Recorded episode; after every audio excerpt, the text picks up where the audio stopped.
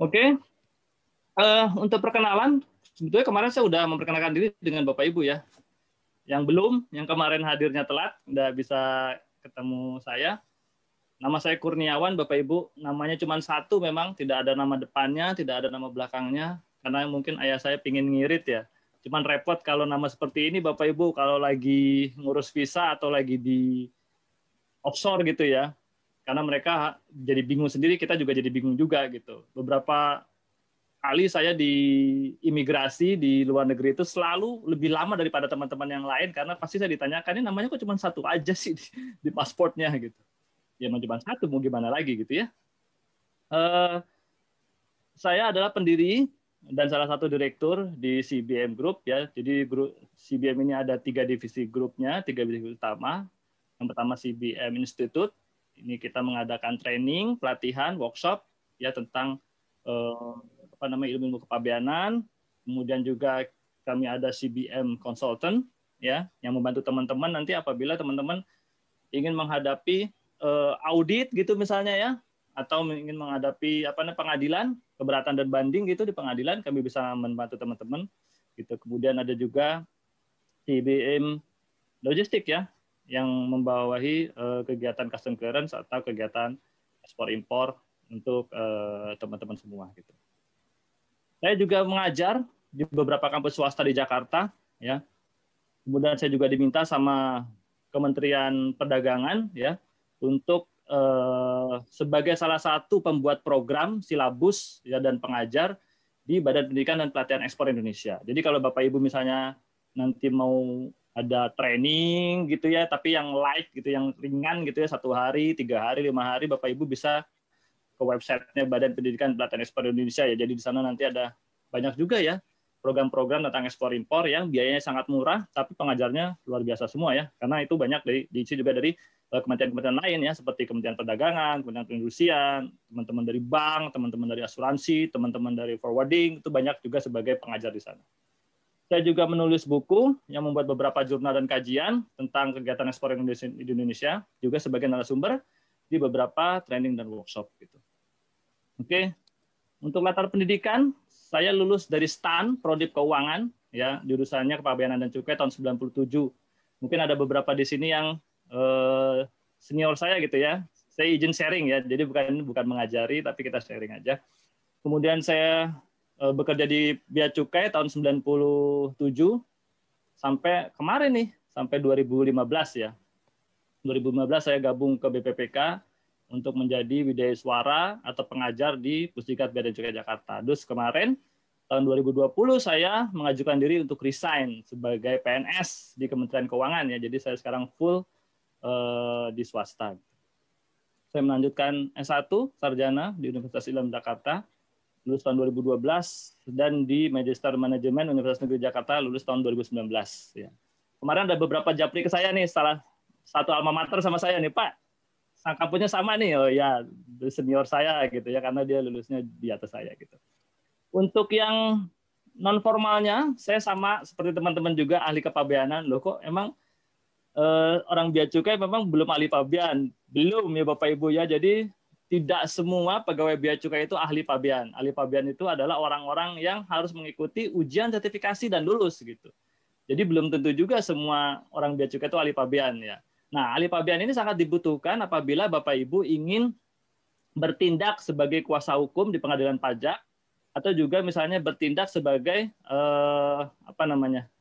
Eh, pembuat dokumen pemberitahuan impor atau dokumen pemberitahuan ekspor karena nanti tanda tangan di situ harus orang-orang yang memiliki sertifikat ahli pabean. Gitu. Ya, kemudian saya juga eh, mendapatkan eh, program beasiswa dari WCO di Brussels di Belgia untuk mengikuti program Knowledge Academy for Customs.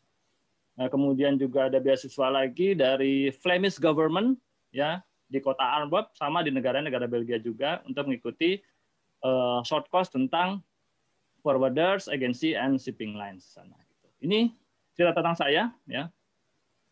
Untuk di Bea Cukai saya pernah bertugas sebagai pemeriksa barang dan analis intelijen di, di Bea Cukai Tanjung Priuk. Kemudian juga pernah uh, bertugas di Tanjung Balai Karibun sebagai kepala subseksi uh, apa namanya pabean kemudian pernah juga bertugas di Batam, gitu ya, bersama sebagai kepala subsektif pabean juga. Kemudian pernah pindah lagi ke Tanjung Priuk lagi, ya, dan baru uh, pindah ke Pusikat Bea Cukai di BPPK. Oke, ini cerita tentang saya. Kita sekarang masuk ke materi, Bapak Ibu.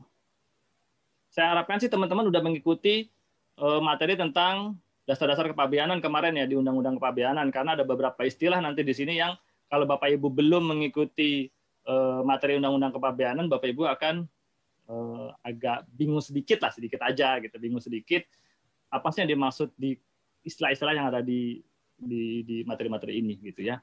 Uh, kita mulai nanti cerita dari awal nih kalau barangnya impor seperti apa, baik dari sisi si forwardernya ya si pembawa barangnya, baik dari sisi si penimbun nanti ya untuk menimbun barang impornya, baik dari sisi si importirnya nanti sebagai uh, pemilik barang yang akan mengeluarkan barang dari kawasan pabean atau dari pelabuhan gitu untuk digunakan di uh, pabriknya dia atau di gudangnya. Gitu. Uh, kemudian minggu depan kita akan berbicara tentang fasilitas-fasilitas yang berhubungan dengan tata laksana impor gitu. Misalnya kalau barangnya ingin keluar lebih cepat seperti apa, kalau saya ingin impor sementara seperti apa, kalau mau pakai fasilitas FTA seperti apa, nanti kita berbicara itu di minggu depan. Jadi di minggu ini kita akan khusus diskusi tentang barang dari masuk ya di pelabuhan sampai barangnya keluar sampai pelabuhan. Itu aja ini seharusnya nggak cukup nih satu hari, tapi kita paksakan harus cukup gitu ya, karena waktunya terbatas. Oke, kita masuk ke yang pertama. Sebelum kita bicara tentang kedatangan barang impor, kita harus berbicara dulu tentang orang yang melakukannya, gitu ya. Jadi ada istilah namanya pengangkut. Ini berbeda istilah pengangkut ini mungkin pengertian awam kita sebagai orang biasa. Mungkin kalau pengangkut ya berarti kapalnya atau pesawatnya gitu ya. Tapi kalau bagi undang-undang kepabeanan di istilah kepabeanan pengangkut itu bukan bukan bukan kapal, bukan pesawat ya. Pengangkut itu adalah orang yang membawa gitu ya. Nah, gimana dengan kapal sama pesawatnya gitu ya? Itu alat angkut namanya ya. Alat sarana kalau di undang-undang kepabeanan namanya alat sarana pengangkut gitu ya atau sarkut gitu disingkatnya. Tapi kalau pengangkut artinya orang yang melakukan pekerjaannya. Nah, pengangkut di di sisi kepabeanan itu dibagi menjadi tiga. Pertama shipping company, kedua pengangkut kontraktual atau Anda mungkin lebih seringnya nyebutnya forwarders gitu ya atau freight forwarders ya. Kemudian terakhir adalah penyelenggara pos. Untuk shipping company ini juga dibagi lagi ya. Ada yang sebagai operator atau ada yang hanya sebagai kuasanya saja.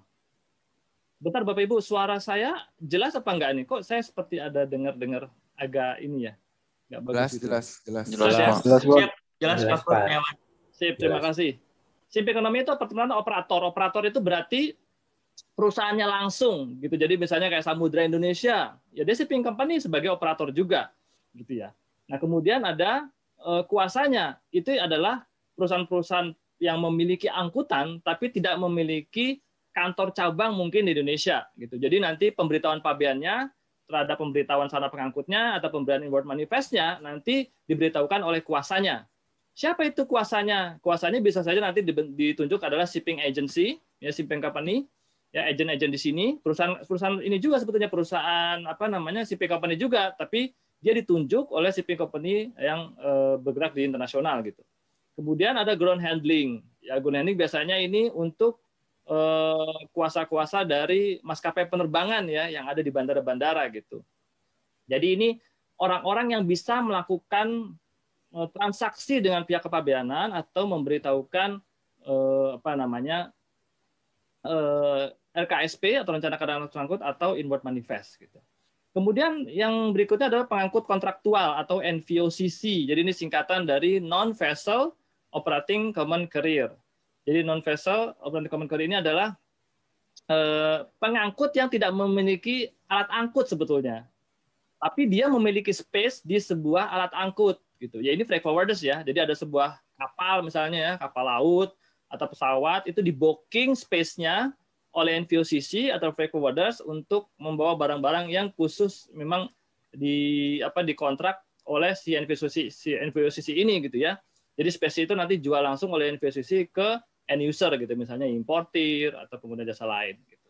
Kemudian yang ketiga, pengangkutnya ketiga adalah penyelenggara pos. Penyelenggara pos ini sebetulnya banyak ya. Jadi ada penyelenggara pos yang ditunjuk oleh pemerintah, ya, ya BUMN itu contohnya PT Pos Indonesia. Ada juga penyelenggara pos yang swasta murni. Kalau Bapak Ibu mungkin sering eh, lihat misalnya namanya DHL, FedEx gitu ya, atau JNE, Tiki gitu ya. Itu beberapa penyelenggara pos. Nah, orang-orang ini itu bisa melakukan transaksi kepabeanan kepada pihak bea cukai gitu ya. Untuk transaksinya sebagai pengangkut adalah nanti adalah eh, RKSP atau rencana kedatangan pengangkut dan yang kedua adalah inward manifest seperti itu. Oke. Sebelum saya lanjutkan mungkin ada pertanyaan dulu. Kalau nggak ada, saya lanjutkan. Ya. Nah, ini sekarang kita diskusi Coba, tentang rencana kedatangan dulu. Lanjut ya sebetulnya rencana kedatangan ini sebetulnya sama aja sih dengan inward manifest gitu. Karena isinya bentuknya tuh sama persis, cuman bedanya kalau di rencana kedatangan sana pengangkut ini nanti kedatangannya itu masih rencana gitu ya. Rencana kedatangan kapan nih? Oh, besok hari Senin. Misalnya tanggal 20 Maret misalnya eh, jam jam 7 pagi. Nah, itu itu itu di dalam eh, RKSP seperti itu bunyinya. Tapi nanti kalau udah jadi inward manifest, bunyinya adalah telah datang. Telah datang kapan gitu. Hari Senin jam berapa gitu ya. Jadi itu bedanya dari RKSP dengan inward manifest. Tapi bentuknya sama item-item di dalam formulirnya itu sama persis gitu ya.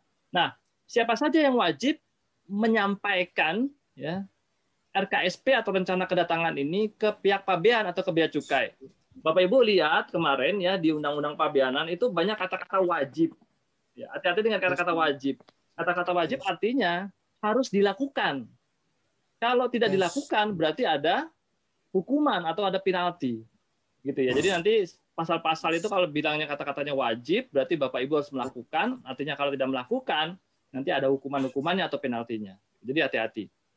Nah, pengangkut wajib menyampaikan RKSP atau rencana kedatangan pengangkutnya ke setiap kantor pabean yang akan disinggahi jadi apabila nanti pengangkutnya akan melakukan singgah di beberapa pelabuhan di Indonesia, maka setiap dia singgah, ya, setiap dia singgah, dia harus menyampaikan RKSP atau rencana kedatangan sana pengangkut. Contoh nih, kita lihat di gambar ini, ya. Eh, pengangkut yang datang dari misalnya Singapura, langsung ya dari Singapura ya, dari Singapura direct langsung misalnya ke Pelabuhan Tanjung Priok di Jakarta. Nah, pada saat dia sebelum sampai, ya, dia, dia sebelum sampai ke Tanjung Priuk, dia harus menyampaikan rencana kedatangan. Ya, biasanya sih kalau kalau kapal-kapal atau vessel-vessel atau apa namanya eh, maskapai penerbangan yang yang sudah besar-besar, biasanya memang walau uh, belum dia jalan pun dia udah ada gitu, ya barang-barang apa yang dibawanya gitu ya. Jadi pada saat dia sebelum tiba dia sudah menyampaikan hal tersebut ke kantor pabean tujuan.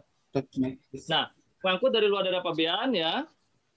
Ke dalam daerah pabean dia harus menyampaikan RKSP. Kemudian misalnya hmm. pengangkut tersebut misalnya jalan lagi. Ya jalan lagi misalnya ke pelabuhan lain masih di dalam daerah pabean masih di Indonesia ya. Jadi misalnya pengangkut misalnya dari Singapura dia bawa oh, angkutan misalnya 1000 kontainer. Ya kemudian turun di Jakarta misalnya 500 kontainer maka pada saat dia sebelum sampai di Jakarta, dia harus menyampaikan RKSP. Kemudian dia melanjutkan nih, kan masih ada sisa nih 500 kontainer tadi. Dia melanjutkan ke Pelabuhan Tanjung Mas di Semarang, jalan lagi ke Semarang, ya. Itu kan asalnya tadi kontainernya kan berasal dari Singapura semua tuh yang sisa 500 ya. Maka pada saat di Semarang, pengangkut juga harus menyampaikan RKSP atau rencana kedatangan sana pengangkut. Seperti itu ya. Jadi setiap dia singgah di kantor pabean di dalam daerah pabean, kalau masih ada barang-barang impor atau atau barang-barang di bawah yang berasal dari luar daerah pabean dan belum selesai kewajiban pabeannya, maka di setiap dia singgah dia harus menyampaikan rencana kedatangan sana pengangkutnya. Begitu ya. Kemudian misalnya juga pengangkut-pengangkut yang berasal dari dalam daerah pabean. Ini kalau singkatan DDP, LDP, Anda sudah tahu ya, DDP itu dalam daerah pabean, LDP itu luar daerah pabean. Jadi contoh, pengangkut yang berasal dari Belawan, ya dia membawa barang-barang tujuannya sebetulnya tujuan Priok atau tujuan Jakarta dari Belawan dia mau ke Jakarta sebetulnya ada beberapa barang tapi dia harus ke Singapura dulu karena mungkin ada beberapa barang yang dari Belawan harus dimuat dan dibawa di Singapura Kemudian dari Singapura dia akan membawa barang lagi ya dari Singapura yang ke Jakarta. Gitu ya. Nah, untuk pengangkut yang berasal dari dalam daerah pabean ya, apabila dia mampir ya atau transit di luar daerah pabean, kemudian nanti masuk lagi ke dalam daerah pabean, maka di dalam daerah pabean tujuan dia harus menyampaikan RKSP atau rencana kedatangan sarana pengangkut. Seperti itu ya. Walaupun misalnya dia hanya mengangkut eh, peti kemas kosong gitu ya. Ya dia dia juga harus tetap menyampaikan RKSP atau rencana gitu. Atau bisa saja dia saya ke sini ke Jakarta nggak nggak ngangkut barang pak, nggak bongkar. Saya hanya ke Jakarta hanya mau ambil barang, ambil barang terus nanti keluar lagi ke luar negeri. Gimana kalau kapal saya kosong gitu? Tetap ya, walaupun kapal tersebut kosong, tidak membawa muatan dan tidak melakukan bongkar nanti, ya dia tetap harus menyampaikan atau wajib menyampaikan rencana kedatangan secara pangkut atau RKSP di pelabuhan tujuan di dalam daerah pabean. Tapi nanti mungkin disebutkan karena dia tidak ada muatannya, yang muatan dibilang nihil seperti itu. Ya, ini untuk rencana kedatangan. Nah, pertanyaannya Bapak Ibu, kalau ada kata-kata pengangkut wajib menyampaikan RKSP ya sebelum dia tiba. Nah, kapan dianggap tiba gitu kan ya. Jadi nanti kan kadang-kadang suka ada misalnya denda dari pihak kepabeanan atau dari pihak bea cukai kepada pengangkut atau pengguna jasa misalnya. Anda kena denda nih karena Anda waktu datang ke pelabuhan Tanjung Mas Anda tidak menyerahkan RKSP atau tidak menyerahkan eh, apa namanya inward manifest ya. Jadi anda bongkar atau anda tiba tapi tidak menyampaikan RKSP atau inward manifest maka anda kena denda. Nah kapan tibanya gitu? Apakah barang atau pengangkut yang melewati batas daerah pabean itu sudah dianggap tiba apa belum? Misalnya nih dari Singapura kan di sini ada perbatasan Indonesia nih. Kemarin kan dibicarakan tentang, tentang daerah pabean ya sama Pak Untung ya tentang undang-undang. Di sini kan ada daerah pabean. Sebetulnya kalau menurut undang-undang pada saat pengangkut membawa barang impor melewati daerah pabean, maka saat itu juga barangnya itu dianggap sebagai barang impor, gitu kan? Maka kewajiban pabean harus dipenuhi gitu. Cuman kan tidak mungkin gitu seluruh orang bea cukai gitu gandengan di tengah laut jagain kalau kapal masuk apa kapal keluar. Ya kan? Makanya pemerintah membuat suatu kawasan yang ditunjuk untuk melakukan kegiatan ekspor impor itu di dalam daerah pabean. Anda kemarin tahu ya namanya kawasan pabean. Biasanya pelabuhan, biasanya bandara, atau bisa juga misalnya tidak ada bandara, tidak ada pelabuhan, mungkin tempat yang dituju sebagai kawasan pabean walaupun dia bukan bandara dan bukan pelabuhan bisa juga seperti itu. Nah, jadi kapan dia dianggap datang? Ya. Jadi kalau dia baru jalan yang melewati daerah perbatasan daerah pabean, maka dia belum dianggap sebagai datang. Ya, belum dianggap sebagai datang karena belum memasuki kawasan pabean. Ya. Nah, nanti ya dia dianggap datang ya. Kalau untuk laut ya dianggap datang, dia pada saat nanti dia sorry. Pada saat nanti dia eh, lego jangkar di dalam kawasan pabean itu dianggap datang gitu ya. Nah, kalau untuk udara ya paling lambat dia pada saat dia landing itu dianggap sebagai datangnya gitu ya. Kalau darat pada saat dia melewati perbatasan atau saat melewati kawasan pabean di pos lintas batas. Itu saat datangnya. Oke, sekarang kita bicara tentang waktu penyerahannya. Terus dari Halo Pak Kurniawan. Itu, yes, silakan Pak Reza. Uh, mohon maaf ya, menyela sebentar. Uh, mungkin bisa dibantu ini Pak. Jadi kalau ketika menjelaskan di slide itu ada hmm. referensi di undang-undangnya itu nomor berapa gitu. Jadi kita bisa nyatet gitu.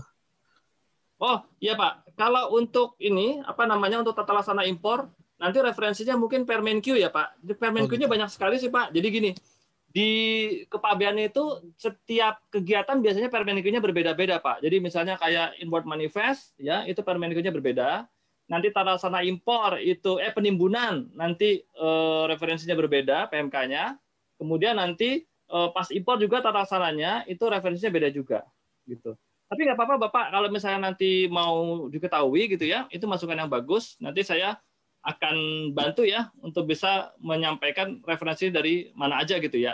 Kalau dari undang-undang sih sebetulnya eh, ini semua termasuk di, undang-undang semua ya. Tapi mungkin kalau undang-undang kan hanya membicarakan secara apa namanya tuh ya garis besarnya aja gitu ya. Misalnya wajib ini, wajib ini, wajib ini gitu ya. Tapi teknis pelaksanaannya biasanya undang-undang nggak ada gitu.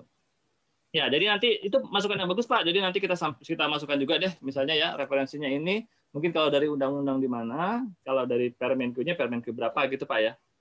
Makasih Pak masukannya ya, Pak. Pak. Nanti kita Pak. sampaikan. Ya, makasih Pak Reza. Nah, balik lagi ke materi ini. Ya. Untuk yang pengangkut lewat laut, ya paling lambat 24 jam sebelum datang. Jadi paling lambat dia ya, tadi kan Lego jangkar tuh. Nah, ditarik mundur itu 24 jam sebelum dia Lego jangkar, dia harus sudah menyampaikan RKSP atau rencana kedatangan sarana pengangkut.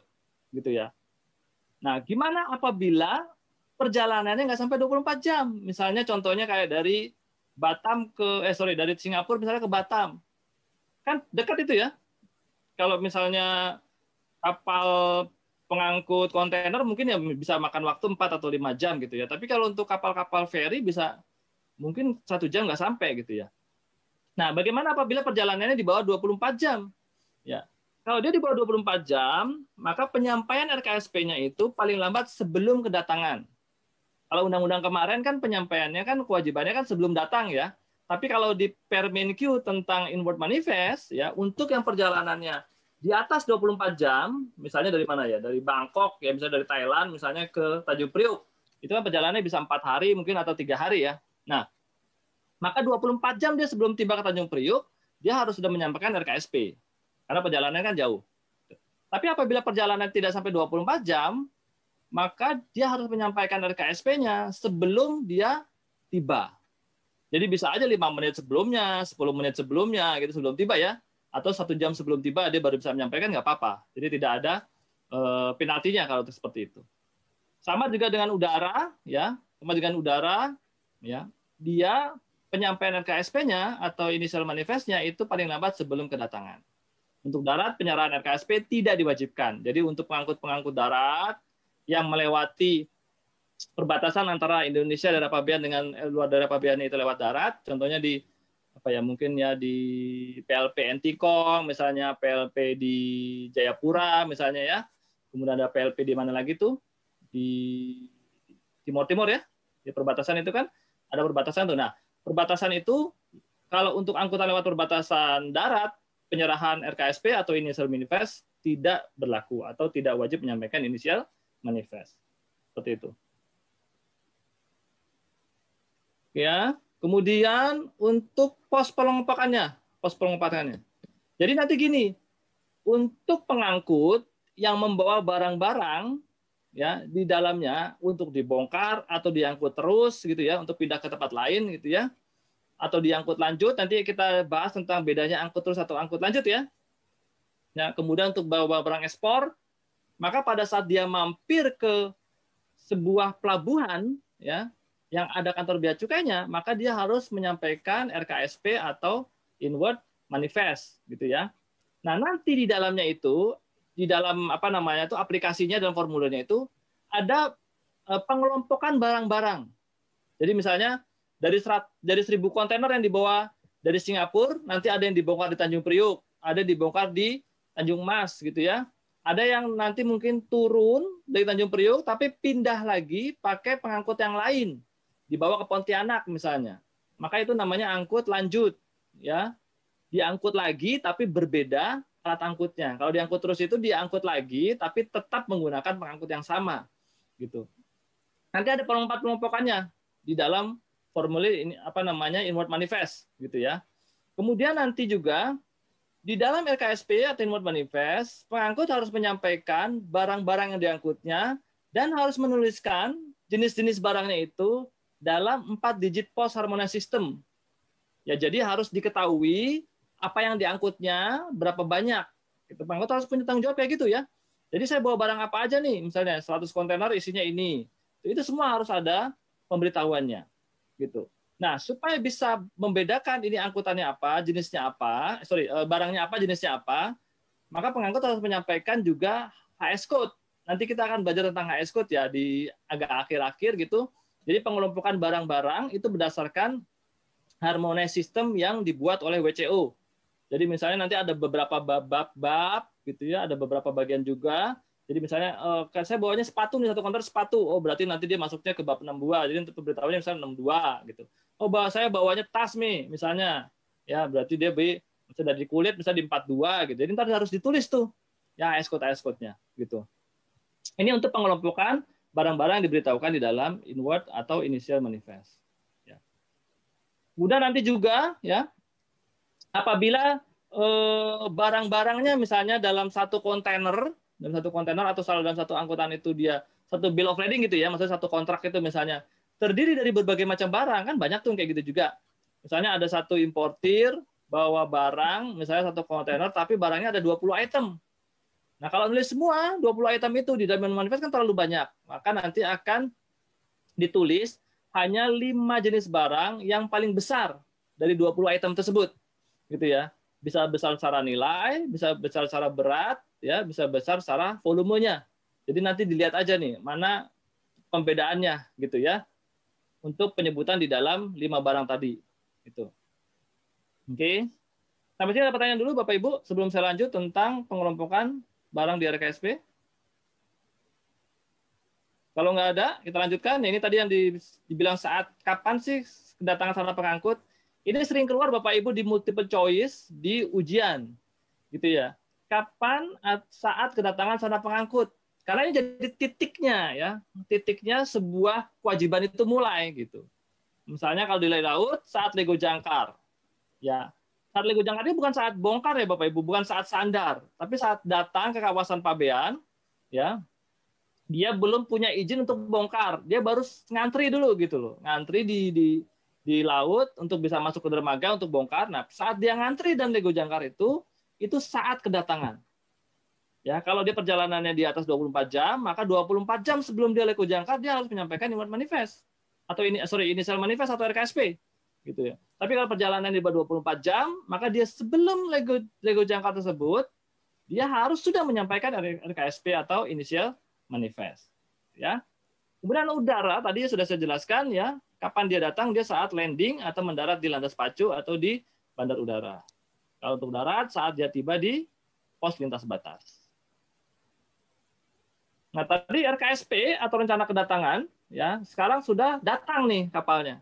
Gitu ya saat sebelum datang dia harus menyampaikan RKSP atau inward manifest. Saat actually datang, pada saat dia datang beneran, ya tadi ya pada saat dia datang beneran, terus dia mau bongkar. Nah sebelum dia bongkar barangnya atau unloading muatan dari kapal ke dermaga, dia harus menyampaikan inward manifest ke bea cukai. Di sini kata-katanya lagi wajib. Artinya Bapak Ibu, dia harus memperhatikan kapan dia akan bongkar barang ini barang ini di dalam dermaga atau di dalam kawasan pabean. Ya, karena jangan sampai barangnya sudah dibongkar, sudah unloading, sudah dimuat ke sudah dibongkar ke apa namanya dermaga, tapi dia lupa menyampaikan inward manifest. Nah, ini bahaya nih ada denda-denda soalnya. Kalau wajib berarti ada hukuman kalau tidak dilakukan. Ya. Nah, sama ketentuannya seperti RKSP atau rencana kedatangan terhadap pengangkut, untuk inward manifest juga ya pengangkut-pengangkut yang datang dari luar daerah pabean langsung ke dalam daerah pabean pengangkut yang berasal dari dalam daerah pabean, ya, dia mampir dulu atau transit dulu di luar daerah pabean, di luar negeri, terus kembali lagi ke dalam daerah pabean, ya. Nah, pada saat dia kembali lagi ke dalam daerah pabean, dia harus menyampaikan juga inward manifest. Jadi sama sih untuk aturannya di RKSP initial manifest dengan inward manifestnya, gitu. Kemudian penyerahannya sekarang nih, ya. Kapan paling lambat ya penyerahan reward manifest supaya nggak kena denda, supaya nggak kena penalti, supaya nggak kena hukuman. Ya, pada saat dia sebelum melakukan bongkar, gitu. Jadi pada saat dia sandar, tadi dia sudah menyampaikan RKSP atau initial manifest, initial manifest. Pada saat dia mau bongkar, sebelum dia bongkar, dia harus menyampaikan inward manifestnya, gitu ya. Pak, saya nggak bongkar nih Pak, saya hanya mau muat. Tapi muatnya nanti mungkin ya perlu waktu tiga hari lagi atau empat hari lagi. Nah, apabila dia datang tidak bongkar, ya, tapi dia uh, sandarnya lebih dari 24 jam, maka sebelum 24 jam dari dia sandar tadi, ya, dia harus menyampaikan inward manifest, walaupun nggak bongkar ya. Sebelum 24 jam dia harus menyampaikan inward manifest, walaupun tidak bongkar. Mungkin bisa saja sih ada beberapa pengangkut yang tiba di apa daerah pabean misalnya hanya untuk misalnya isi air minum untuk kru gitu ya atau belanja makanan minuman untuk kru atau isi BBM misalnya atau misalnya muat ya kalau misalnya prosesnya itu lebih dari 24 jam maka pengangkutnya harus menyampaikan inward manifest juga tapi bentuknya inward manifest nihil gitu ya Tapi kalau proses tersebut tidak sampai 24 jam, ya tidak segera bongkar tapi tidak sampai 24 jam, maka dia tidak wajib menyampaikan inward manifest. Ya jadi RKSP saja, tapi inward manifestnya tidak perlu karena dia tidak bongkar atau tidak singgah lebih dari 24 jam. Oke sampai sini Bapak Ibu ada pertanyaan untuk inward manifest? Belum ya, masih masih aman ya. Paling lambat tadi ya sebelum pembongkaran ya ini untuk udara sekarang ya sama seperti inward manifest laut ya pada saat sebelum pembongkaran. Tapi bedanya kalau untuk yang laut tadi dia 24 jam maksimal. Jadi kalau dilewat sebelum dilewat 24 jam dia harus menyampaikan inward manifest nihil.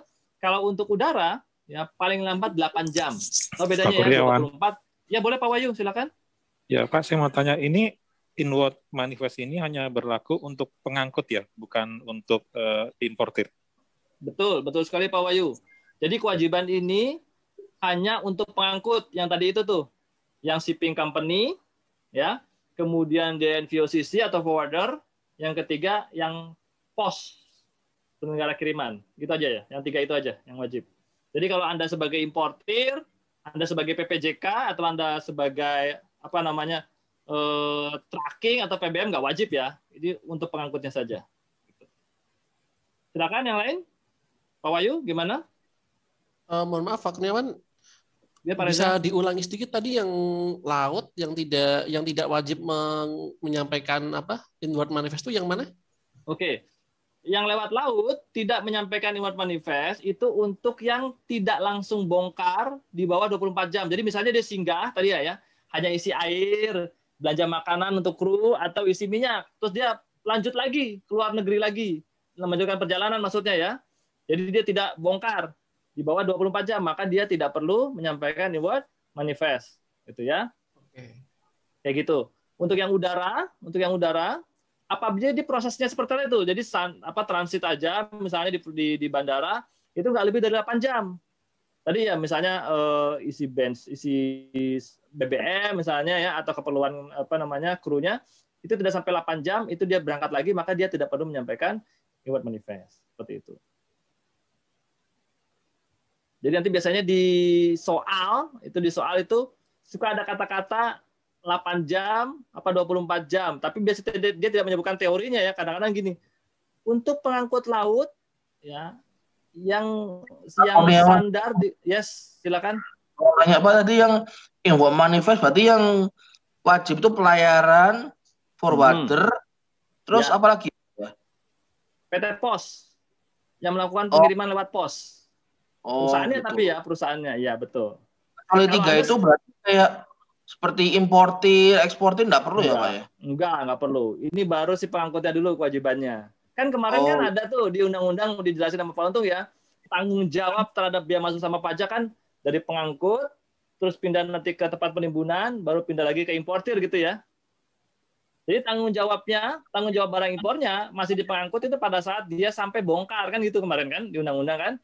Kalau selama jadi gini misalnya, waktu diangkut sama pengangkut sudah masuk daerah pabean tapi belum tiba di kawasan pabean tapi misalnya barangnya hilang. Jadi pas saat bongkar ternyata jumlahnya lebih kecil daripada inward manifest. Nah itu tanggung jawabnya sih pengangkut, gitu ya. Tapi kalau udah ditimbun nanti, ditimbun di kawasan pabean, terus barangnya hilang, gimana tanggung jawabnya?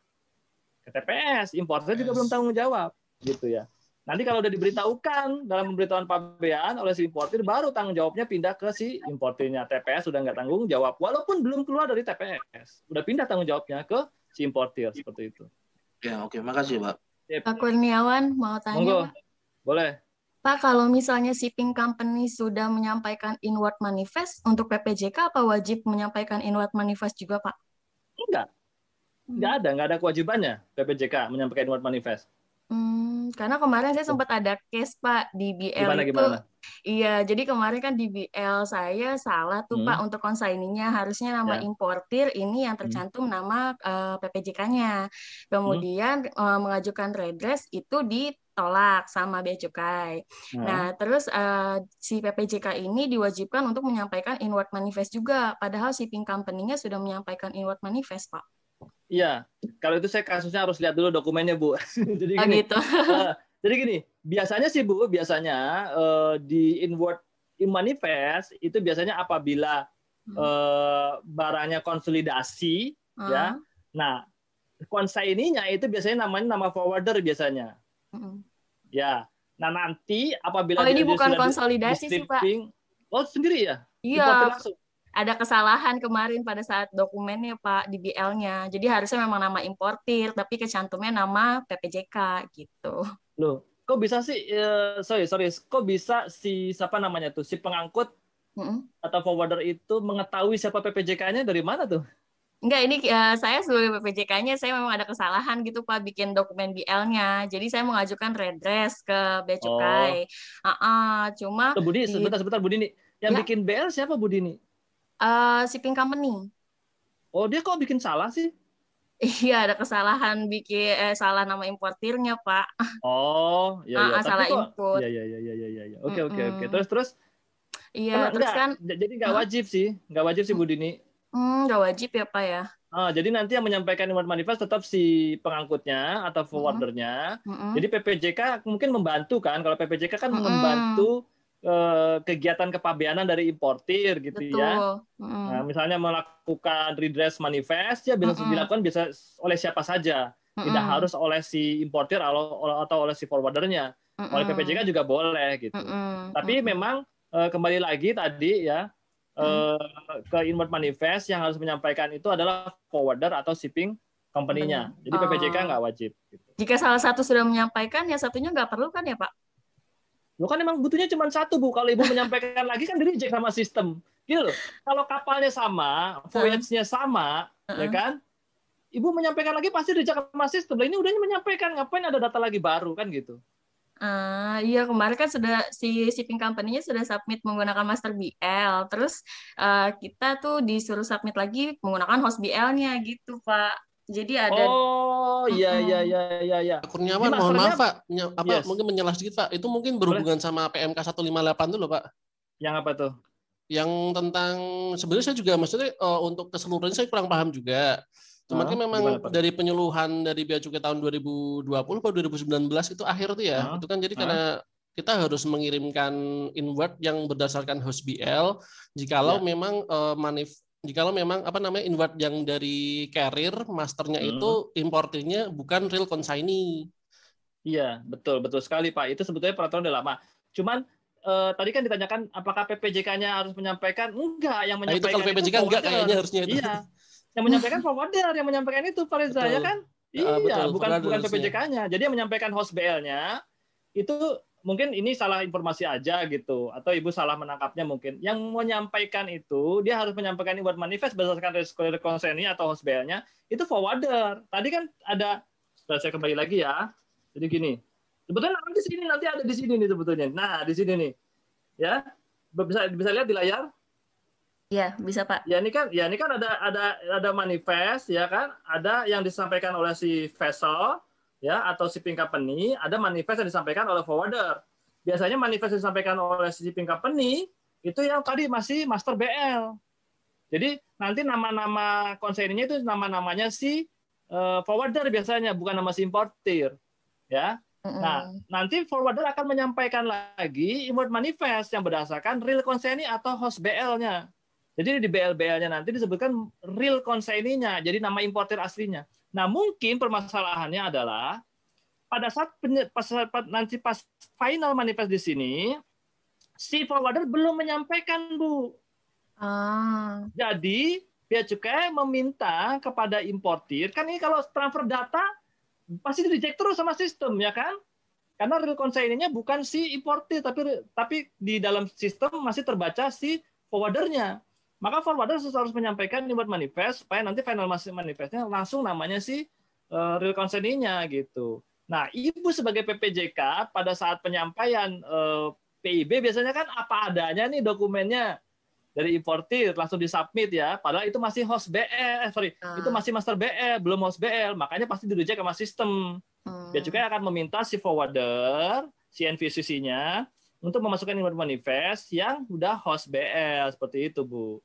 Oh iya, oke Pak, makasih ya Pak. Sip. Ya, jadi si si PPJK tidak diberi tidak diwajibkan untuk menyampaikan uh, inward manifest ya, yang diwajibkan hanya si NVOCC-nya. Pak Kur, tolong tanya Pak Kur. Kalau kita impor tuh berarti kita wajib pakai forwarder gitu Pak Kur ya. Berarti apa kita cuman sampaikan kan saya belum pernah import nih Pak Kuda. tolong um, berarti apakah kita tetap langsung ajukan PIB ke bea cukai 2.0 itu atau harus ya. pakai forwarder atau gimana ya Pak? Apa kita pesen gimana ya Pak ya? Iya iya iya. Ya, oke Pak, gini. Wajar nih pertanyaannya kita ini ya. Nah, gini Pak, uh, importir kan gini, ceritanya kan ini, importir kan mau mau mau impor barang atau mendatangkan barang dari luar negeri, ya kan? Nah, importir kan tidak punya alat angkutnya, kan gitu ya? Tidak punya alat angkutnya, kan? Pasti dia akan mencari alat angkut atau pengangkut yang bisa mendatangkan barang dari dari luar negeri, dari asal barang ke dalam negeri, ke tempat kita kan gitu ya, ke Indonesia gitu kan ya. Nah, importir biasanya akan meminta tolong gitu kepada pengangkut untuk membawa barangnya gitu. Tapi kadang-kadang, kadang-kadang ya tidak semua, kadang-kadang shipping company ini sudah menunjuk lagi beberapa perusahaan ya untuk melakukan kontrak atau apa namanya tuh eh, penjualan space di dalam kapalnya ya di dalam di dalam alat angkutnya dia ya supaya bisa langsung ke end user. Jadi si importer atau si pemilik barang ini tidak perlu bingung gitu harus ke mana nih ya. Jadi dia nanti hanya ke forwarder aja ya untuk misalnya eh tolong dong barang saya mau dikirim nih dari Singapura ke Jakarta. Tolong dong diaturin saya pengennya sampai Jakarta misalnya sebelum hari Sabtu ya udah sampai Jakarta ya gitu barangnya ada di sini nah nanti forwarder itu pak yang akan melakukan kegiatan apa namanya penjemputan barang mungkin terus nanti muat ke atas kapalnya gitu ya terus nanti udah sampai di pelabuhan tujuan dia laku melakukan stripping misalnya terus melakukan pengantaran atau custom clearance misalnya ke tempat importirnya.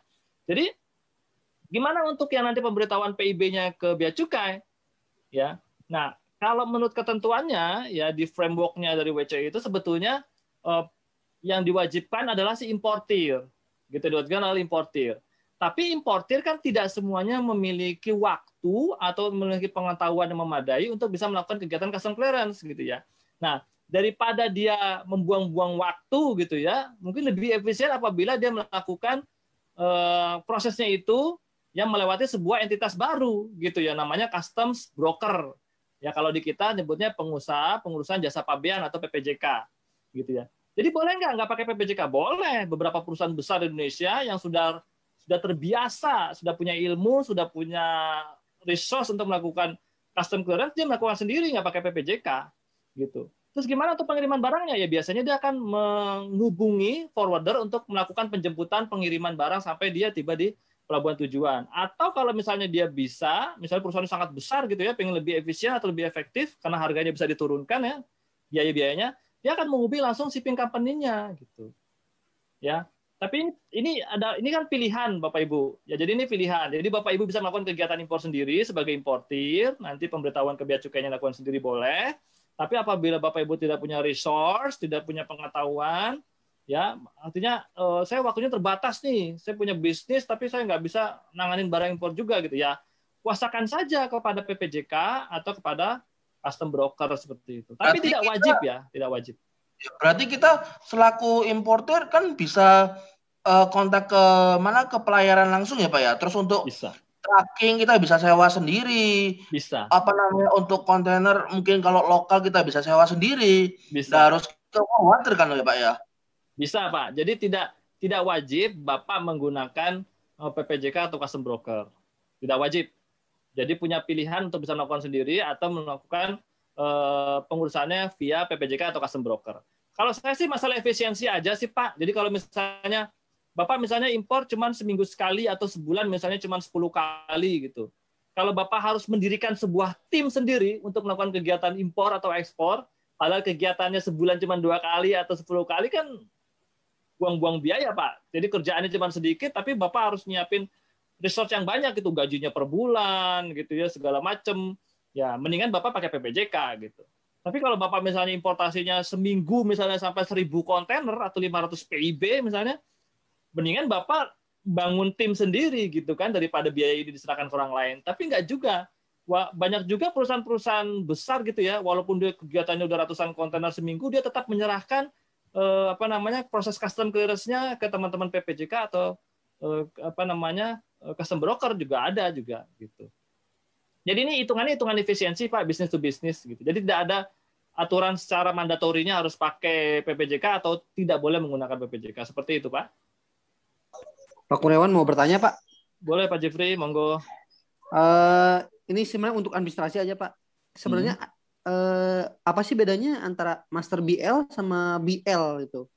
Soalnya kalau saya lihat sama-sama aja, tapi di uh, pengadilan pajak dari dari pihak uh, tergugat yeah. DJBC membedakan katanya gitu Pak. Sebenarnya apa Pak komponen yang bedanya Pak?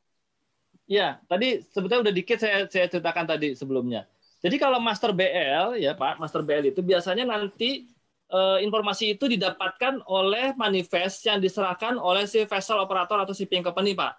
Oh, ya. Okay. Nah, kalau host BL itu biasanya nanti data-data yang didapat dari inward manifest yang diserahkan oleh si NVOCC atau freight forwarders. Nah, kan tadi kan ada tiga, tiga, tiga pengangkut yang bisa mengajukan inward manifest ke bea cukai, ya kan? Shipping yeah. company, terus NVOCC atau freight forwarder, salah satu lagi kan pos apa jasa pos pengiriman itu.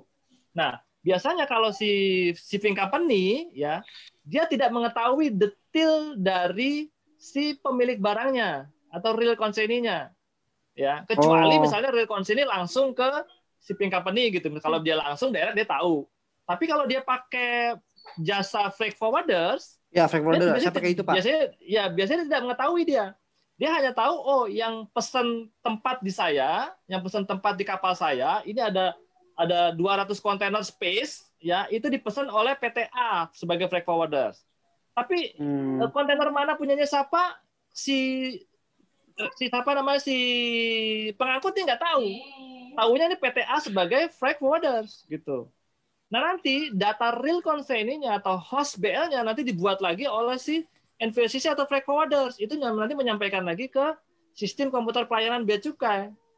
Ya inward manifest disampaikan lagi. Jadi ada dua inward manifest yang disampaikan oleh si vessel, ya, oleh si pengangkut, ya. Kemudian ada lagi inward manifest yang disampaikan oleh si freight forwarders atau si NVOCC, gitu.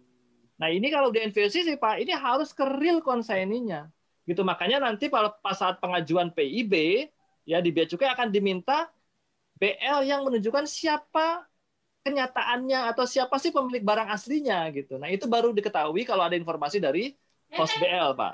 Bukan oh, dari master BL. Seperti itu, itu master BL-nya ya. Kalau master BL belum, belum sampai real consignee, biasanya hanya sebagai forwarder.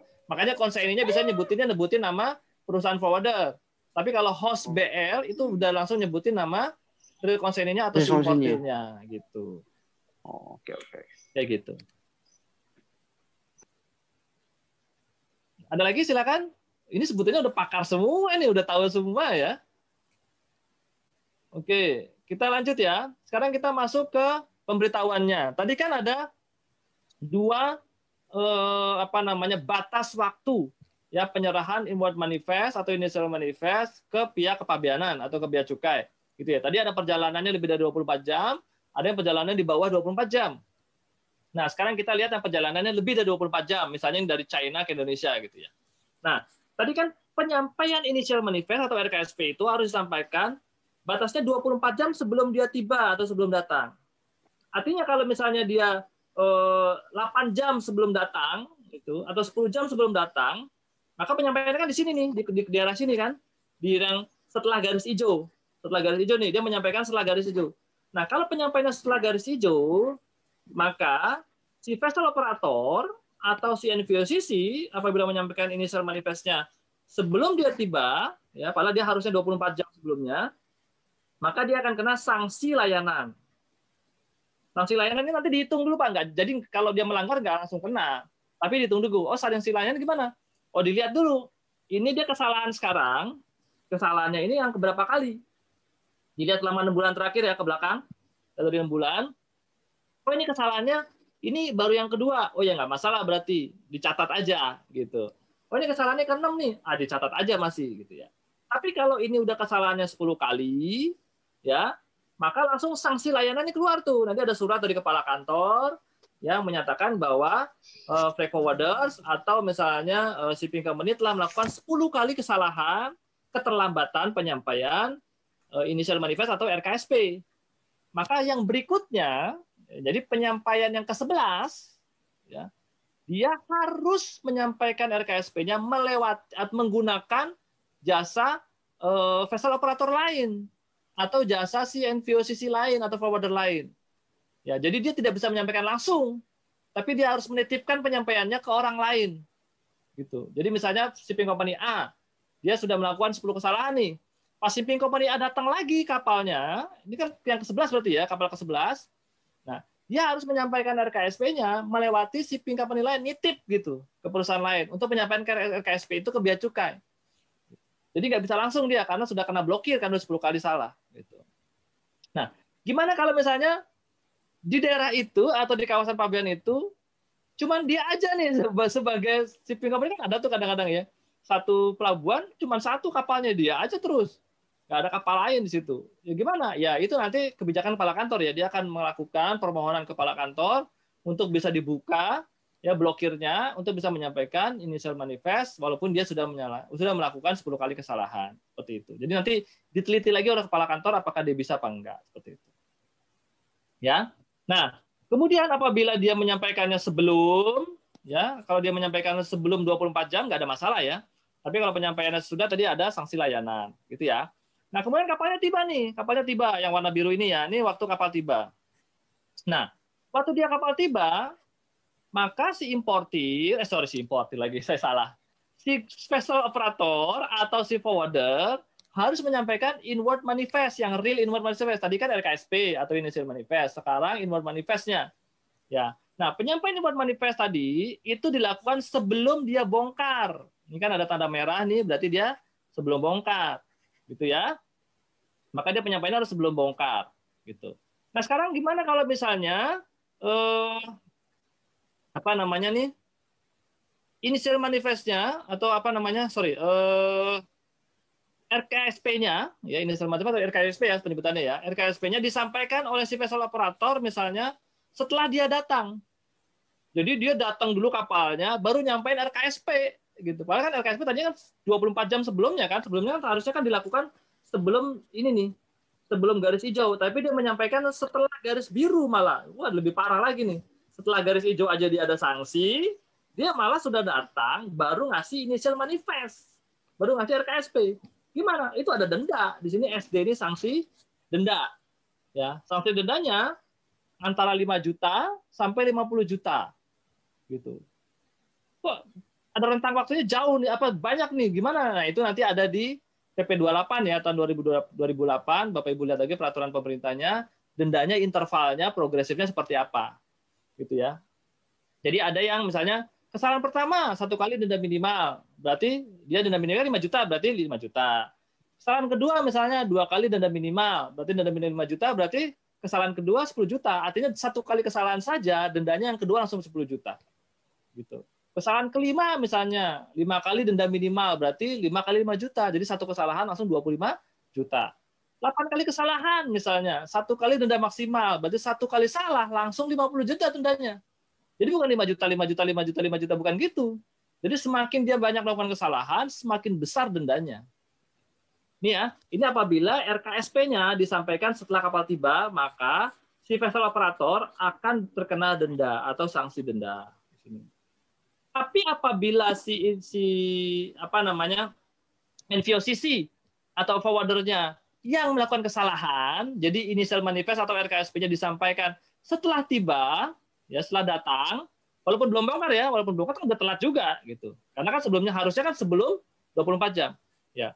Maka sanksinya hanya sanksi layanan. Jadi kalau forwarder itu eh, walaupun dia telah melewati 24 jam, kemudian dia udah datang juga, belum menyampaikan LKSP, disampaikannya setelah datang, dia kenanya sanksi layanan saja. Beda ya, kalau vessel operator kenanya sanksi denda, kalau NVOCC atau forwarder kenanya sanksi layanan. Ya. Sanksi layanan gimana? Untuk yang freight forwarder sama sanksi layanannya. Ya, dengan antara freight forwarder sama vessel operator. Untuk yang sanksi layanan sama. Jadi dihitung dulu, ini selama enam bulan terakhir, ini kesalahan keberapa. Gitu ya. Kalau lebih dari 10 kesalahan, maka yang 11 nanti penyampaian RKSP-nya atau initial manifest-nya harus disampaikan melalui atau melewati forwarder lain atau eh, apa namanya eh, orang lain lah ya yang yang bisa menyampaikan RKSP gitu ya. Dia nggak boleh kalau udah diblokir. Silakan. Pak Kur, berarti RKSP ini sama inward manifest ini disampaikan oleh perusahaan pelayaran seperti uh, kayak Masline, ya. seperti betul. Terus habis itu forwarder internasional juga menyampaikan sama juga ya Pak Kur ya? Iya, apabila si forward forwardernya itu punya space di kapal yang sama. Oh, berarti kalau punya, misalnya punya, punya muatan di kapal itu juga. Jadi misalnya uh, kapalnya Maslen misalnya dia punya 100 kontainer, forwarder A ini internasional itu punya 10 kontainer dari Mas Len itu berarti dia ya. menyampaikan RKSP sama inward manifestnya 10 kontainer. Ya. Setelah itu perusahaan pelayaran 100 kontainer gitu ya Pak Kurya maksudnya ya. Iya betul, betul Pak. Betul seperti itu. Betul seperti itu. Nah, 100 kontainernya tapi yang disampaikan oleh si vessel operator nanti ada 10 kontainernya itu uh, si penanggung jawabnya si uh, NVOCC freight forwarders gitu. Oh gitu. Jadi okay. kalau tidak dijelaskan oleh si freight forwarders dengan menyampaikan RKSP atau initial manifest terhadap real konsennya, ya nanti ada masalah sama bea cukainya gitu. Oke, kalau misalnya importinya nggak nggak pakai apa namanya forwardernya, berarti langsung di pelabuhan itu eh, RKSP sama inward manifestnya cuman perusahaan pelayaran aja ya? Betul. Betul. Setelah Betul. itu importernya ya ambil barang sendiri berarti ya. Istilahnya ya, nanti pakai ya, betul. Custom clearance-nya sendiri. Bisa, bisa custom, custom clearance sendiri. sendiri ya. ya. Oh, berarti kan nggak harus pakai forwarder istilahnya seperti itu. Bisa, bisa nggak pakai forwarder. Jadi kayak Oke, gini, Pak. Bapak kan gini, kalau Bapak misalnya eh, mau ngirim barang deh, mau ngirim barang lewat eh, pesawat kargo gitu ya. Misalnya Bapak mau ngirim barang dari Jakarta atau dari Semarang misalnya mau ke Medan gitu. Bapak kan bisa bisa saja kan Bapak pakai jasa pengiriman kan, misalnya apa? Tiki, JNE gitu kan ya. Ya, nanti dia punya space itu di sebuah di sebuah pesawat kan gitu. Tapi bisa saja Bapak datang langsung ke bandara, langsung ke eh, gudangnya si Garudanya atau gudangnya misalnya si AirAsia misalnya. Dia juga punya gitu. Jadi Bapak bisa langsung ke sana atau bisa pakai orang lain yang punya space di sana gitu. Itu kan masalah kepraktisan aja sih Pak gitu. Oke oke oke. Ya, ya. Kalau Bapak mau praktis ya pakai forwarders gitu ya. Tapi ya. kalau misalnya Bapak misalnya punya resource, punya waktu, ya Bapak bisa juga misalnya langsung ke bandara atau eh, apa namanya? Langsung ke perusahaan pembawa barangnya gitu. Ya, oke, makasih, Pak. Ya. Bu, uh, Pak Distra, tanya lagi Pak. Oh, boleh Pak Reza silakan. Oh, ini saya kan uh, saya kan freight forwarder, Pak. Saya saya NVOCC. Ya. Saya ya. kan sering nih kalau misalnya apa namanya kirim inward manifest BC11 kan sering ya. Cuman ya. masalah RKSP ini saya nggak pernah kirim, Pak. Initial manifest, Pak. Sama aja sama RKSP, eh, sama aja sama inward manifest. Tapi oh. sebelum sebelum 24 jam sebelum tiba sama aja, Pak. Is, sama isinya sama sebetulnya. Oh, tapi maksudnya tidak tidak tidak dalam dokumen lain gitu. Iya iya betul betul. Oh sama aja berarti. Aplikasi aplikasi sama mas. Oh alah. Ya udah kira saya nggak pernah kirim RKSP ini bahaya apa enggak gitu. iya sama aplikasinya sama. Cuman bapak harus menyampaikan 24 jam sebelum tiba dan ini menyampaikannya lagi kalau sebelum bongkar gitu. Iya, Tapi kalau udah iya, menyampaikan selama ini nggak masalah, sama persis kok. Oh ya udah kalau kayak gitu aman berarti. Iya. Oke, thank you, Pak. GG. Pak Kurniawan, mohon izin. Monggo. Ya, gimana? Uh, iya Pak, ini mungkin saya pertanyaan yang mendasar Pak. Uh, dengan adanya ketentuan dan peraturan yang spesifik ini mengenai RKSP dan inward manifest, uh, sebetulnya atas dasar apa sih Pak uh, peraturan ini? Kayak misalkan uh, RKSP itu uh, 24 jam sebelum sampai atau uh, inward manifest itu, itu kan spesifik ya Pak. Maksudnya iya. disebutkan ya. Uh, apakah sebelum ada peraturan ini pernah kejadian apa gitu Pak? Yang oh, yang akhirnya uh, peraturan ini dibuat secara spesifik uh, mengenai 24 jam atau sebelum 24 jam harus menyerahkan inut manifest atau yang lainnya gitu Pak. Terima kasih Pak Kur. Ya, terima kasih Pak Fikar. Jadi filosofi sebetulnya saya kurang tahu juga nih untuk yang detailnya filosofinya seperti apa. Tapi ini mungkin saya ini menduga Pak ya, saya tidak tahu karena saya bukan perumus kebijakan atau pembuat aturannya gitu. Secara filosofi atau maksudnya tuh apa kalau uh, hasbabul nuzulnya kenapa ayat ini keluar atau pasal ini keluar saya juga kurang mengerti. Tapi ini mungkin untuk ini aja Pak, menyiapkan mem membuat space waktu, membuat space waktu ya antara pihak kepabeanan dengan pengguna jasa gitu Pak. Jadi supaya nanti kalau misalnya ada ada apa namanya kesalahan data atau penyampaian yang belum disampaikan itu masih punya space untuk memperbaiki pak artinya jadi jangan sampai eh, jangan sampai eh, apa kalau di undang-undang kan sebetulnya sebelum tiba itu kan kalau di undang-undang kan sebelum tiba artinya kalau di undang-undang itu sebetulnya lebih luas gitu ya tapi di peraturan ini lebih rigid nih diatur lagi 24 jam lagi sebetulnya lebih lebih ini Pak. Jadi kalau kapal-kapal besar atau perjalanan jauh gitu ya, memang dia sebenarnya kan 24 jam sebelumnya karena dia supaya punya spare Pak. Artinya dia masih bisa memperbaiki data-data di dalamnya atau masih bisa memperbaiki apa yang salah lah gitu. Dari pihak Pak Bena juga gitu bisa menyiapkan gitu kira-kira nanti kalau kapalnya bongkar dia harus menyiapkan apa, membuat layanan apa, jadi bisa bisa disiapkan jauh jauh waktunya gitu. Mungkin seperti itu Pak, hanya menduga saja gitu ya. Tapi kalau undang-undang memang benar Pak, undang-undang itu memang eh, penyampaian inward manifestnya itu sebelum dia bongkar. Ya. Maka seharusnya memang lebih luas, tapi di aturan lebih dimajukan lagi ya untuk yang di atas 24 jam perjalanannya 24 jam sebelumnya harus sudah menyampaikan SKSP. Mungkin itu Pak, ini saya menduga aja supaya ada rentang waktu yang bisa dipergunakan oleh masing-masing pihak nih ya, dari biaya cukainya atau dari vessel operatornya untuk bisa melakukan perbaikan-perbaikan data apabila diperlukan sehingga pada saat dia bongkar tidak ada lagi data yang salah gitu. Maksudnya seperti itu mungkin. Oke, baik Pak Kurniawan. Oke, Terima kasih Pak. Monggo, monggo. Tadi Bu Adistra mau ya. bertanya? Iya, silakan. Ya. Ini kan ada jeda waktu perbedaan ya. Kalau misalnya yang Master BL manifestnya itu harus sebelum eh 24 jam itulah ya. Nah, hmm. tapi kalau misalnya um, yang ini sanksinya lebih panjang sampai ke pembongkaran. Kalau misalnya nih hmm. uh, si um, vessel operator shipping company yang sudah masukin master BL, tapi NVOCC-nya ternyata belum masukkan host BL.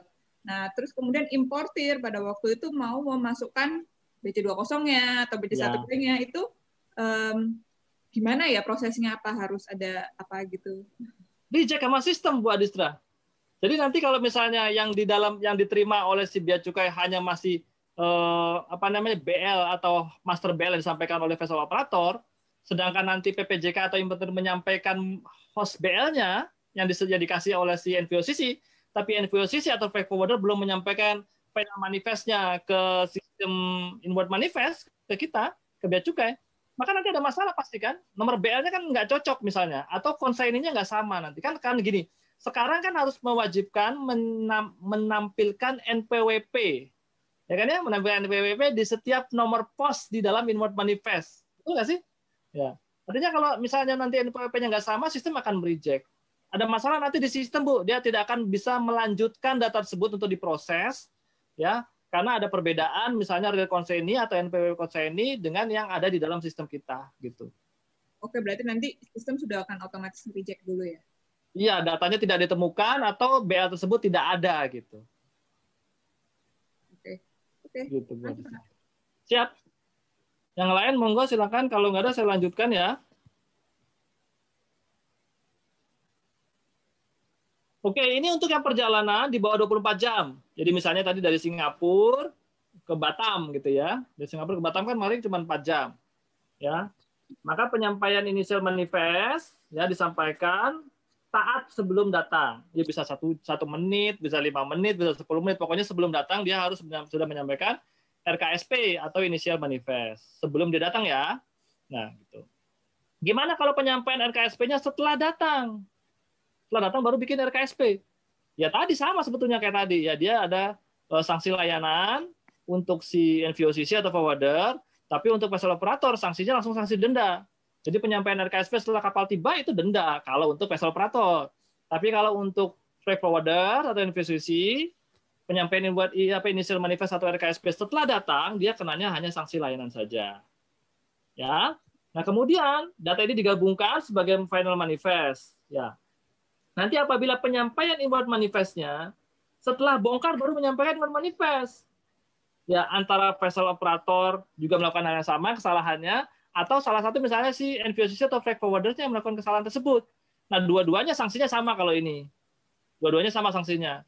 Jadi si NVOCC atau freight forwarder kalau dia menyampaikan inward manifest setelah bongkar, dia kena denda. Begitu juga si vessel operatornya kena denda juga. Itu itu.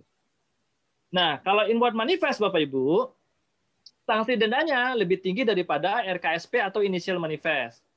Ya, tapi kalau RKSP kan penyampaiannya tadi ya, kalau dia udah datang baru nyampe RKSP, SKSP, denda nih, dendanya berapa? Antara 5 juta sampai 50 juta. Itu progresif ya. Tapi kalau sudah telat bongkar ya, udah bongkar baru bikin iwat manifest ya, maka dendanya itu bukan 5 juta 10 juta 50 juta itu 10 juta sampai 100 juta gitu jadi telat saja ya tidak bukannya tidak menyampaikan ya menyampaikan tapi telat saja itu dendanya 10 juta per sekali kesalahan. Tapi progresif. Kalau kesalahan kedua kesalahan tiga otomatis mana? Gimana? Ya langsung kali dua kali tiga. Jadi kesalahan kedua langsung 20 juta. Kesalahan ketiga ya 30 juta. Kalau kesalahan ketujuh atau kesalahan delapan langsung 100 juta. Setiap kesalahan 100 juta, 100 juta, 100 juta gitu terus. ya, kayak gitu. Ini untuk yang initial manifestnya yang di perjalanan di bawah 24 jam. Ada pertanyaan? Sama aja ya sebetulnya ya sama tadi ya. Oke, ini untuk yang inward manifest yang lewat darat. Inward manifest lewat darat. Tadi kalau RKSP tidak wajib, ya. Tapi untuk yang inward manifest wajib sebelum dia melakukan pembongkaran. Jadi penyerahannya ini manifestnya dia sebelum datang dia menyampaikan ya kalau sudah datang maksudnya sudah tiba di pintu dia baru menyampaikan one manifest maka dia akan kena sanksi denda. Apalagi udah bongkar. Ya jadi sampaikan one manifestnya sebelum tiba sama dengan ini ya kayak gitu. Nah gimana kalau misalnya satu kontrak atau satu bill of lading bukan bill of lading ya saya nggak tahu nih dokumen kalau untuk lewat darat pakai apa ya? Surat jalan mungkin ya Terus satu kontrak surat jalan misalnya terdiri dari beberapa pengangkut. Kalau kapal kan gampang ya. Misalnya 10 kontainer, satu BS, satu kontrak itu satu kapal biasanya kan gitu. Karena kapal kan biasanya bisa sampai ribuan kontainer gitu. Tapi kalau untuk lewat darat biasanya kan satu kontrak atau satu surat jalan bisa saja terdiri dari beberapa truk, dari beberapa pengangkut. Ya. Maka penyampaian inward manifestnya disampaikan oleh pengangkut yang pertama. Ya, disampaikan oleh pengangkut yang pertama dia harus menyampaikan inward manifest jadi nanti truk berikutnya ya atau pengangkut pengangkut berikutnya yang kontraknya masih sama dengan pengangkut yang pertama, dia tidak perlu lagi menyampaikan demand manifest lagi. Gitu. Pak, ini bertanya yes. Pak, yang Monggo, Pak darat Pak. Itu Boleh, yang dari surat jalan hmm. eh, ada pengecualian ya Pak? Misalnya Pak, untuk yang nggak nggak perlu nggak perlu uh, menyerahkan manifest misalnya. Misalnya gini Pak, itu misalnya saya kan kebetulan di kontraktor nih Pak. Misalnya saya membangun fasilitas pertahanan Pak di tapal batas misalnya. Hmm. Andai kata saya kerjasama dengan dengan Brunei atau dengan dengan Malaysia. Nah kebetulan yeah. mungkin ada beberapa yang berhubungan dengan Hankam kita hmm. uh, impor dari sana. Itu yeah. tetap Pak atau gimana Pak? Tetap iya. harus pakai tetap juga ya? Iya, tetap harus bikin inward manifest. Kan sama juga kayak di Priuk misalnya Pak. Barang-barang untuk alutista, keperluannya TNI sama polisi tetap bikin oh. RKSP, tetap bikin buat manifest, tetap bikin PIB, tetap harus SPPB kan baru bisa digunakan. Walaupun ya, ya. misalnya walaupun dia dibebaskan dari biaya masuk sama pajak, tapi dokumen kepabeanannya tetap disampaikan sesuai sama aturannya gitu, Pak. Oh, di, saya, saya pikir ketika ketika darat apalagi cuman berdekatan gitu kan, uh mungkin bisa mungkin gitu ya, nggak nggak hanya eh, nggak perlu pakai pakai dokumen tersebut karena karena apa eh, khusus hankam atau atau ya khusus lah barangnya gitu. Iya. Tapi ternyata kalau, tetap ya Pak ya harus ya. Ya, kalau kalau kewajiban dokumen Pak itu wajib itu harus disampaikan. Tapi kalau untuk biaya masuk sama pajak itu bisa dapat pembebasan. Tapi dengan tetap harus mengajukan dulu ya, mengajukan pembebasan biaya masuk pajak tuh nggak kena karena itu keperluan negara atau keperluan eh, apa namanya keperluan sosial misalnya bisa juga gitu ya. Tapi tetap harus disampaikan, harus bikin RKSP, harus bikin word manifest, harus bikin PIB gitu. Walaupun nanti misalnya pak ini barang bantuan pak buat apa misalnya bencana alam segala macam nggak bayar. Iya nggak yeah, bayar yeah. biaya masuknya tapi dokumennya tetap harus ada. Seperti itu. Oh oke oke. Terima kasih pak. Siap siap. Pak uh, halo pak Kurniawan. Monggo pak Reza. Uh, tadi di slide depan itu di bagian pengecualian RKSP ada termasuk di dalamnya sarana pengangkut darat. Iya. Itu gimana maksudnya? Kan di akhirnya barusan di slide barusan kan ada pemberitahuan untuk inward darat gitu kan? Apakah tidak iya. bertentangan ya. bagaimana ya? Enggak, yang yang tidak menyampaikan yang tidak menyampaikan yang punya dirat ini yang RKSP-nya Pak. Rencana kedatangannya tidak wajib. Tapi hmm. manifestnya wajib. Oke. Okay. Beda kan? Hmm. Kalau misalnya gini. Coba kita lihat ya. Hmm. Nih, ini kan ada RKSP, initial manifest ya. Hmm. Ada final manifest nih Pak atau inward manifestnya. Yeah. Ini kan dua-duanya wajib nih kalau laut. Ya enggak? Iya, Pak. Ya. Nah, kalau darat, kalau darat dia tidak wajib RKSP-nya. Oh. Dia hanya wajib inward manifest-nya. Beda ya, Pak ya? Kan ada dua tuh, ada initial manifest, ada final manifest, atau RKSP ada inward manifest, gitu ya. Nah, kalau lewat darat RKSP-nya nggak wajib, tapi inward manifestnya wajib, gitu. Kalau lewat laut semuanya wajib, RKSP wajib, inward manifest juga wajib, gitu. Itu bedanya, Pak. Ada lagi, Bapak Ibu silakan sebelum lanjut.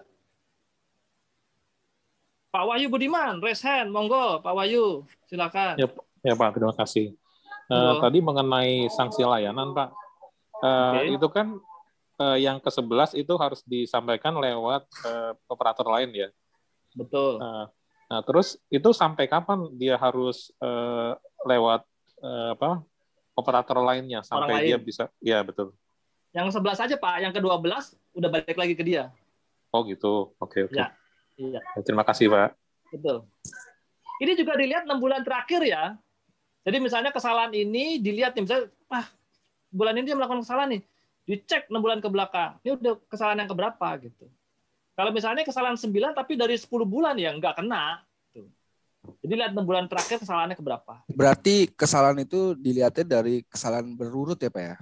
Iya betul. Berurut betul. Pak ya? Berarti kalau nggak berurut, eh, misalnya dari satu dia kesalah, dua dia ya. nggak salah nih, tiga dia salah, dan seterusnya berarti dilihatnya dari ketiganya gitu pak ya? Enggak satu sama ketiga apabila oh, dalam rentang waktu enam bulan. Oh rentang Jadi, waktunya. Ya imat imat manifest pertama nggak salah, imat uh. manifest kedua salah, imat uh. manifest ketiga keempat nggak salah, kelima salah. Berarti kan baru dua salah kan? Betul. Nah dua salahnya dalam berapa dalam berapa bulan nih? Dalam enam bulan. Gitu. Oh siap siap siap. Kayak siap. gitu. Oke, ada lagi? Ada Pak. Monggo, Pak Wayu. Ya, sekira tadi kan disampaikan batas waktu enam bulan. Oke. Umpama oh. laut nih Pak, umpama laut atau udara umpama ya. Ya. Umpama yang pertama yang salah pihak pengangkut, maksudnya okay. carriernya. Ya. Ya. Yang kedua yang salah eh, apa namanya forwardernya gitu. Ya. Itu gimana Pak pengenaan ya. sanksinya? Apakah juga progresif atau bagaimana ya Pak? masing-masing itu kan entitasnya beda pak antara oh, pengangkut okay. sendiri antara forwarder okay. sendiri kan NPWP-nya juga beda pak right right right oke okay. kasihan kalau kalau satu kali angkutan ya memang sih kadang-kadang dia berdua ini dalam satu angkutan gitu kan maksud bapak gitu ya ya gitu kan ya tapi yang salah siapa yang salah entitasnya pak bukan angkutannya I see. Gitu. Makanya. NPWP tadi pak ya oke pak ya, noted pak thank you pak. Terus Pak Wayu monggo yang lain silakan kalau nggak ada kita lanjut Oke, kita lanjut sekarang ke angkut terus atau angkut lanjut ya. Tadi kan di, di depan diceritakan bahwa kadang-kadang tidak semua muatan yang dibawa oleh si pengangkut itu langsung dibongkar habis di satu pelabuhan saja. Biasanya dia juga misalnya mengantarkan lagi sisa-sisanya itu ke pelabuhan-pelabuhan lain yang masih di dalam kawasan eh sorry masih di dalam daerah Pabean, tapi belum belum selesai kewajiban Pabeannya kan masih karena asalnya kan masih dari luar negeri. Nah, contohnya gini. Ada kapal atau pengangkut vessel ya misalnya dari luar negeri ya dari luar negeri tiba di Tanjung Priuk. Ya maka dia harus menyampaikan BC11 inward. Sebelum bongkar ya harus menyampaikan BC11 inward di bea cukai Tanjung Priuk. Misalnya dari 1000 1000 kontainer yang yang dibongkar di Priuk misalnya 500 gitu ya kemudian masih ada 500 di dalam kapal nih untuk bongkar di Tanjung Perak di Semarang Ya setelah turun 500 kontainer maka dia akan jalan lagi. Nah, pada saat dia jalan, pada saat dia jalan ke arah Tanjung Perak, maka dia harus menyampaikan juga BC11 outward di Bea Cukai Tanjung Priuk. Karena kan dia ada barang-barang yang belum selesai di Tanjung Priuk kan? Itu. Nah, terus dia jalan ke Tanjung Perak. Sebelum dia bongkar di Tanjung Perak, maka dia harus menyampaikan BC11 inward juga di Tanjung Perak terhadap sisanya. Nah, misalnya turun di Tanjung Perak semua nih 500. Turun semua 500. Kapal balik lagi ke luar negeri. Gitu ya. Jadi nanti kapalnya yang yang yang dari luar negeri nih, yang kuning menyampaikan BC11 inward di Tanjung Priuk untuk ke 500 pertama, 500 yang sisa sama dia nanti diberitahukan di BC11 outward di Tanjung Priuk dan disampaikan juga di BC11 inward di Tanjung Perak yang 500 sisa. Gitu ya. Kemudian dia setelah turun bongkar habis kan, nggak ada lagi kontainer kan? maka dia akan kembali ke luar negeri. Nah, ternyata ternyata dari 500 kontainer yang di Tanjung Priok yang di Tanjung Perak ini, tadi ada sisa 500 ya turun nama kapal ini 500. Dari 500 kontainer yang ada yang di Tanjung Perak ini ternyata misalnya ada 200 atau 300 yang untuk di pelabuhan lain. Ya, jadi nanti pemiliknya itu di Makassar sama di Pantoloan. Gitu. Tapi alat angkutnya beda. Alat angkutnya bukan kapal dari luar negeri, tapi alat angkutnya alat angkut di kapal lokal. Kapalnya kapal lokal nih, kapal kayu misalnya, kapal lokal. Nah, pada saat kapal lokalnya ini ngambil ya ngambil kontainer tadi yang 300 tadi Tanjung Perak di Tanjung Perak bawaan dari kapal yang dari luar negeri tadi maka dia pada saat keluar dari Tanjung Perak dia harus menyampaikan BC11 outward di Tanjung Perak ke Bea Cukai Tanjung Perak karena dia bawa 200 kontainer dari luar negeri yang belum selesai di Tanjung Perak terus dia akan ke Makassar tiba di Makassar nah sebelum dia bongkar di Makassar yang 200 kontainer dia harus menyampaikan BC11 inward di sini, BC11 inward. Nyampe di sini, BC11 inward 100, turun. Masih sisa 100 lagi nih. 100 akan dibongkar di Pantoloan. Maka pada saat dia berangkat dari Makassar, dia akan menyampaikan lagi BC11 outward, jalan ke Makassar. Pada saat dia sebelum bongkar di Makassar, dia akan menyampaikan, eh di Pantoloan, sorry, dia akan menyampaikan BC11 inward di Pantoloan. Terus habis di sini. Ya, nah apa perbedaannya antara angkut lanjut sama angkut terus? Kalau kapalnya tidak berganti, dia transit, terus bongkar di tempat lain, kapalnya tidak berganti, alat-alat angkutnya tidak berganti, maka dianggapnya itu angkut terus. Tapi kalau kapalnya berganti seperti ini, 500 kontainer, ada 200 kontainer yang terus ke pelabuhan lain, tapi alat angkutnya berbeda, maka namanya angkut lanjut. Seperti itu. Itu bedanya angkut terus sama angkut lanjut. Gitu Bapak Ibu. Ada pertanyaan sampai sini untuk yang angkut lanjut, angkut terus? Uh, Pak, mohon izin Pak. Monggo Pak Figal. Uh, jadi setiap uh, angkut terus dan angkut lanjut kan berarti kan ada BC 11 in dan out ya. Nah, Betul. ketika di BC 11 out itu setiap BC 11 out kita harus melampirkan uh, XBC 11 in-nya gitu ya, Pak ya. Ya, nggak usah dilampirkan sih kan ini sistem semua pak sistem pasti kan udah udah tahu nggak usah dilampirkan kan udah udah pakai PDE semua pak nggak perlu pak kan nanti kan di, nomor pendaftaran BC-BC-in-nya gitu Pak? Enggak, jadi nanti gini Pak, jadi nanti pada saat di sistem Pak, itu nanti kan bisa diminta asalnya kan? Kan tadi kan saya bilang nih, kan, kan ada ada pengelompokan barang nih Pak nanti di dalam inward manifest. Mana yang diangkut lanjut, ya ganti, kap, kapalnya tetap, mana diangkut terus turun di sini, tapi bukan saya yang angkut nih orang lain misalnya gitu kan? Ya kan? Nah itu nanti dikelompokkan Pak di dalam inward manifest yang pertama. Itu di sistem nanti Pak yang akan mencocokkan gitu Pak. Jadi nggak perlu nanti pada saat outward manifest diberitahukan oleh si pengangkut yang berbeda ini dia harus melampirkan inward manifest dari sini nggak perlu.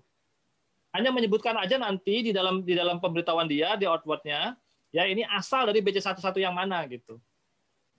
Nanti sistem yang akan mencocokkan Pak. Oh oke okay, oke okay. baik terima kasih Pak. Sip. Mohon izin Pak. Monggo Pak Wayu uh, apakah uh, berkenaan dengan tata laksana apa RKSP ini Pak itu hmm. diatur di Kementerian Keuangan PMK eh, 158 PMK 04 2017 ya Pak? Ya, ya. PMK-nya okay. itu betul. PMK okay, tentang manifest. Ya. Kalau gitu ini boleh kami share di grup nanti Pak ya. Kami temukan boleh. di Google nih Pak. Boleh dong. Boleh. Silakan ya. Tapi tidak ada denda Pak di situ Pak. Yang mana Pak? Kalau telat denda Pak. Kalau telat denda. Di PMK tersebut tidak diatur tentang denda Pak. Oh ya, dendanya nanti diaturnya di PP Pak, PP 28 tahun 2008. Dendanya di PP Pak, peraturan pemerintah. Oke, okay. peraturan okay, pemerintah Pak. tentang denda administrasi bidang kepabeanan. Kalau untuk bidang cukai itu di PP 39 kalau nggak salah 2009 gitu. Oke Pak, terima kasih Pak. Oke, oke. Silakan. Kalau nggak ada kita lanjut ya. Nah, gimana terhadap data-data inward manifest tadi yang sudah disampaikan tapi ternyata datanya salah gitu ya. Jadi boleh melakukan perbaikan data inward manifest ya terhadap inward manifest yang sudah diserahkan ke pihak kepabeanan. Sampai kapan jangka waktunya? Ya sampai sebelum mengajukan pemberitahuan impor atau PIB. Jadi siapa pun ya, bisa si forwardernya, bisa shipping company-nya, bisa saja pemilik barangnya, importir, atau bisa menguasakan misalnya ke PPJK atau pihak lain melakukan perbaikan data import manifest. Mana saja data yang bisa diperbaiki? Kayaknya hampir seluruhnya ya.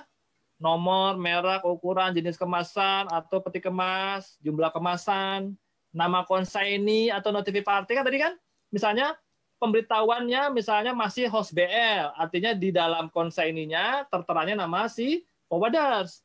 Nah ini mau diperbaiki datanya jadi, eh, sorry master BL tadi ya, mau diperbaiki jadi datanya host BL, artinya si konsaininya adalah konsaini si aslinya, pemilik barangnya yang asli importirnya.